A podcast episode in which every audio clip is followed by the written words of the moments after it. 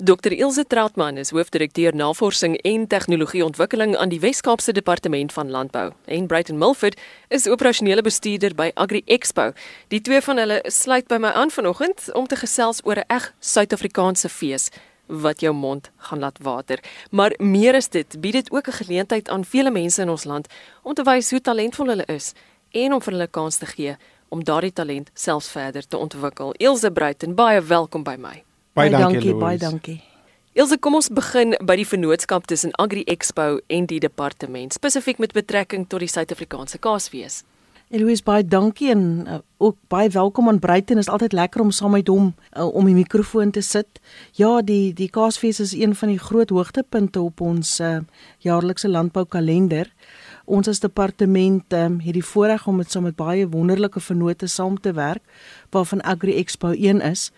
En um, ons probeer vennootskappe sluit met platforms wat bestaan. So die die jaarlikse Kaasfees is 'n bestaande platform waar ons as departement dan 30000 mense kan kry wat landbou kom geniet en dit is mos nou eintlik 'n dom persoon wat nie daai geleentheid sal gebruik nie. Nee, ek is trots op om te sê, jy weet, Agri Expo se landbougenootskap, nuwensgewend en dit is vir ons belangrik om die beeld van landbou te bevorder. So in hierdie met hierdie samewerkingsooreenkomste kry ons dit baie goed reg, veral met 'n projek soos die Kaasfees. Ek is nuuskierig oor die geleentheid wat veral klein kaasmakers vanjaar gaan kry om hulle staal te toon.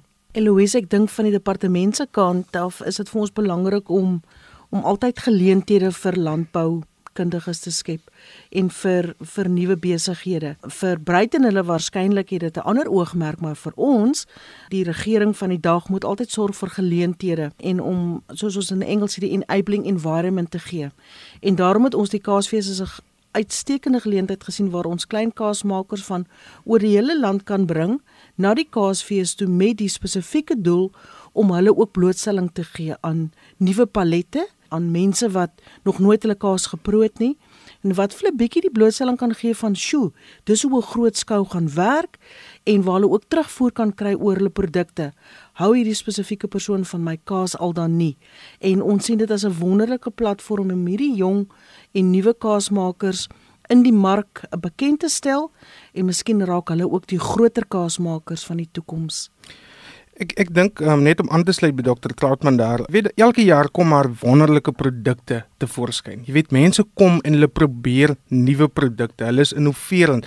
Want die Kaasfees skep daai platform vir hulle om dit te doen. Jy weet, ons kry byvoorbeeld kaas met wyn in, kaas met jenever in, brandnetel, biltong kaas sal ook van jare af wees. Jy weet, dis die tipe van produkte wat die ouens daar op die plase of op die fabrieke maak om na die Kaasfees toe te bring. Dis dis innoverend en en as dit 'n goeie produk is dan sal die kleinhandelaar dit gewoonlik opdeel of die delis of wie ook al en en dit het weer 'n sneeubal effek. Met ander woorde, hulle moet dan meer van daai produkte maak. So met ander woorde, dit skep weer werk. Ons het 5 jaar gelede van die departement se kant af besluit ons gaan 'n paviljoen daar hê waar ons alternatiewe gewasse en produkte gaan uitstal en ook vir die bywoner of die persoon wat die kaasfees kom geniet ook nuwe nuwe produkte uit die landboumandjie kan op die tafel sit en uh, hierdie paviljoen het net van sterkte tot sterkte gegaan.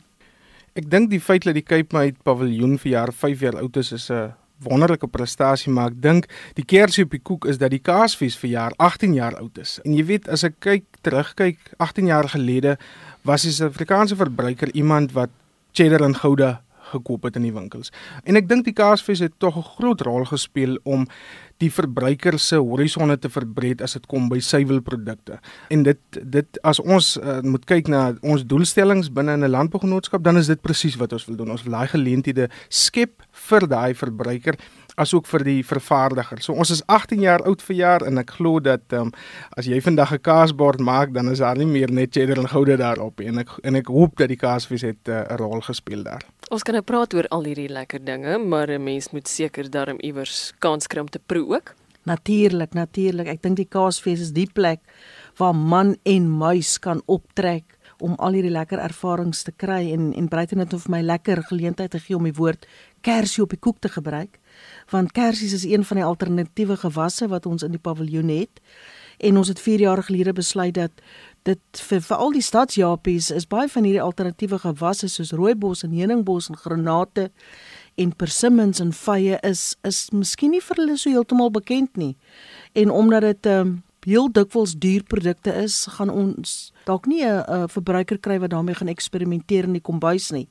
En toe begin die Cape Made Kitchen, 'n klein kombuis van 50 mense en breiten as ek nie verkeerd is nie, is die kombuis hierdie jaar dubbel die hoeveelheid. Ons gaan 100 mense kan akkommodeer 3 keer 'n dag in 3 sessies waar daardie alternatiewe produkte dan deur die studente van die private hotel skool ons ander vernoot in pragtige resepte omvorm gaan word. En ek wil sommer nou al vir almal wat luister sê jy moenie die kaasfees mis nie want anders gaan jy 'n pragtige resepteboek mis. Elke jaar en dis van jaar die 4de jaar soos ek gesê het, is daar 'n pragtige resepteboek wat jy huis toe kan neem en dan kan jy lekker in jou kombuis daar met hierdie alternatiewe gewasse en produkte gaan speel. En Ilse, ek is seker daar's baie meer as net mooi broodjies wat gebak word. Ja, vanjaar is baie opwindend en dit is vir ons lekker om elke jaar 'n nuwe vernoottafel toe te bring.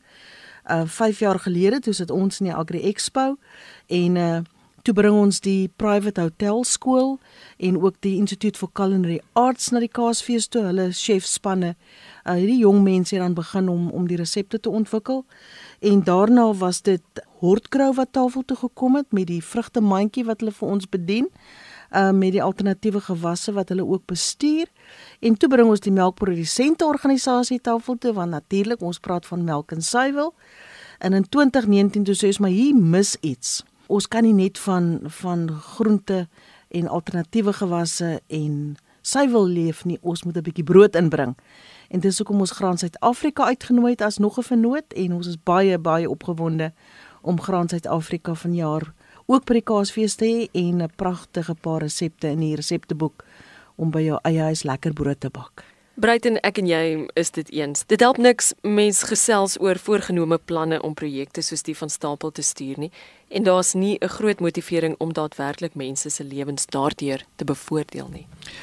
Eloise, dis definitief so. Jy weet, ons het ook 18 jaar gelede begin met die melkfabriek. So dis een van die een van die hoogtepunte vir my persoonlik want dit is waar die stedeling die koei kan sien en hy kan die koei voel en hy kan sien hoe die koei gemelk word. So dis die begin van daai produksieketting of van die waardeketting. En dit is nog vir 18 jaar by die Kaasfees, dit sal vir jaar natuurlik ook daar wees. So dis dis vir my besonder as daar mense verbykom en hulle sê, "Jessie, dis die eerste keer in my lewe wat ek aan 'n bok vat." Dis die eerste keer in my lewe wat ek sien hoe 'n koei gemelk word. Dit is regtig besonder en is op die voorstoep van die stedeling. En dan saam met dit, jy weet die die klein kaasmakers. Daar is so baie stories wat ek kan vir jou vertel.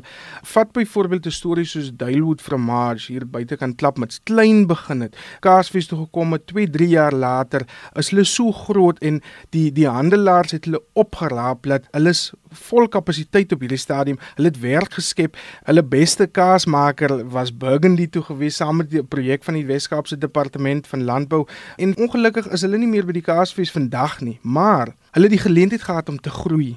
En dit is op die ouene van die dag wat ons graag wil bereik, sodat daar werk geskep kan word en dit gee ook weer die geleentheid vir nuwe ouens om in te kom. Ons het 2 jaar terug, 3 jaar terug het um, Betty Bok van die Weskus ontstaan en het 'n klein stukkie grond gekoop. Ek dink dit is 12 hektaar en hy kan eintlik niks niks doen nie want hy kan nie plant nie want hy het die water en is te klein vir diereproduksie en hy het begin om melkbokke te melk. En hy maak vandag kaas, hy het werk geskep in 'n omgewing wat daar nie is nie en hy kom elke jaar kaasfees toe en hy sien dit as 'n bemarkingsgeleentheid vir hom want hy het nie tyd om bemarking te doen nie. Hy het ook nie dalk die kapasiteit en die fondse altyd om dit te doen nie. Maar die kaasfees skep daai geleentheid vir hom bemarking te te genereer. Ilse, ek is nuuskierig, wat is 'n klein kaasmaker? Is dit 'n ambisie wat 'n Springbok slot liefs nie behoort te hê nie? Weet jy, ek dink as ons van landbou praat, ek het 'n groot passie vir landbou en ek ek sê altyd landbou is vir almal. Dit kan die ou wees wat in die vooruit druk of dit kan die skrimskakel wees, maar dit kan ook daardie paalspringer wees. Landbou is 'n is 'n sektor wat almal wil verwelkom. En ek dink as 'n oue passie het om iets te doen, soos kaas maak, dan kan jy dit doen. En miskien is dit ook vir mense wat 'n passie het om wel kaas te maak, om kaasfees te kom en te sê, "Wow, ek kan op 'n klein skaal begin want hierdie ouetjie Betty Bok of of Delwood Fromage het klein begin. Ek wil ook klein begin, miskien eers daar in my my garage en later groot raak en later raak daardie persoon dalk kaasmaker van formaat. So die geleentheid is daar om kaasfees te kom om nie net te ervaar nie, maar om te leer en miskien is daar 'n nuwe loopbaangeleentheid wat uh, by die Kaasfees vir jou skielik in die, in die gesig staar. Ek glo jy goed met 'n platform soos die kan mense met 'n ontwikkelende besigheid maar gerus glo hulle is kaas.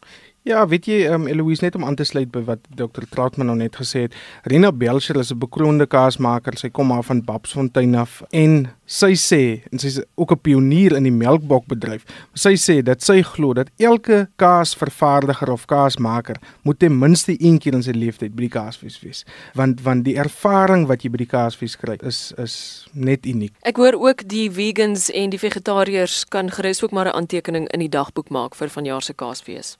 As ons praat van alternatiewe gewasse, is dit natuurlik die lekker gesonde gewasse en uh, natuurlik hoef ons nie terug te staan vir enige dieet by die kaasfees nie. Daar gaan iets wees vir almal. En of jy nou 'n vye liefhebber is en of jy net 'n glasie wyn wil gaan drink en of jy lekker blou kasie wil geniet, dit is daar vir almal. So die die vegetariërs en die vegans is baie baie welkom en dalk ontdek hulle sommer ietsie nuuts vir hulle spyskaart. Ons probeer natuurlik ook om van elke uitsteller 'n storie te kry. So dis butiekbiere wat kom. Dis uitgesoekte wyne wat kom. Dis besonderse jenevers wat kom. Dit is hierdie alternatiewe gewasse, die besige Erasmus bytjies wat heuning vervaardig of heuning produseer. Dis die tipe mense wat ons graag by die Kaasfees wil hê en wat ons ook daar kry. So by elke uitsteller wat daar is, is daar 'n storie en ek wil graag die verbruikers en die besoekers aanmoedig om met die mense te gesels. Hoor wat is Langbaken in die Karoo se storie? Hoor wat is Foxenburg Estate se storie? Want dis waar jy die geleentheid kry om dit te doen. Hoe en waar kan Suid-Afrikaners vanjaar gaan aandag gee aan hulle kaaskultuur. Die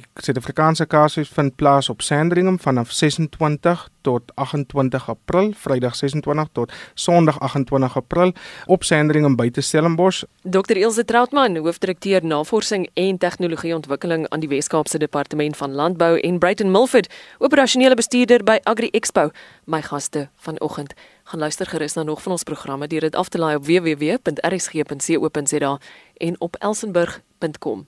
Ek's Eloise Pretorius. Groete. Tot volgende keer.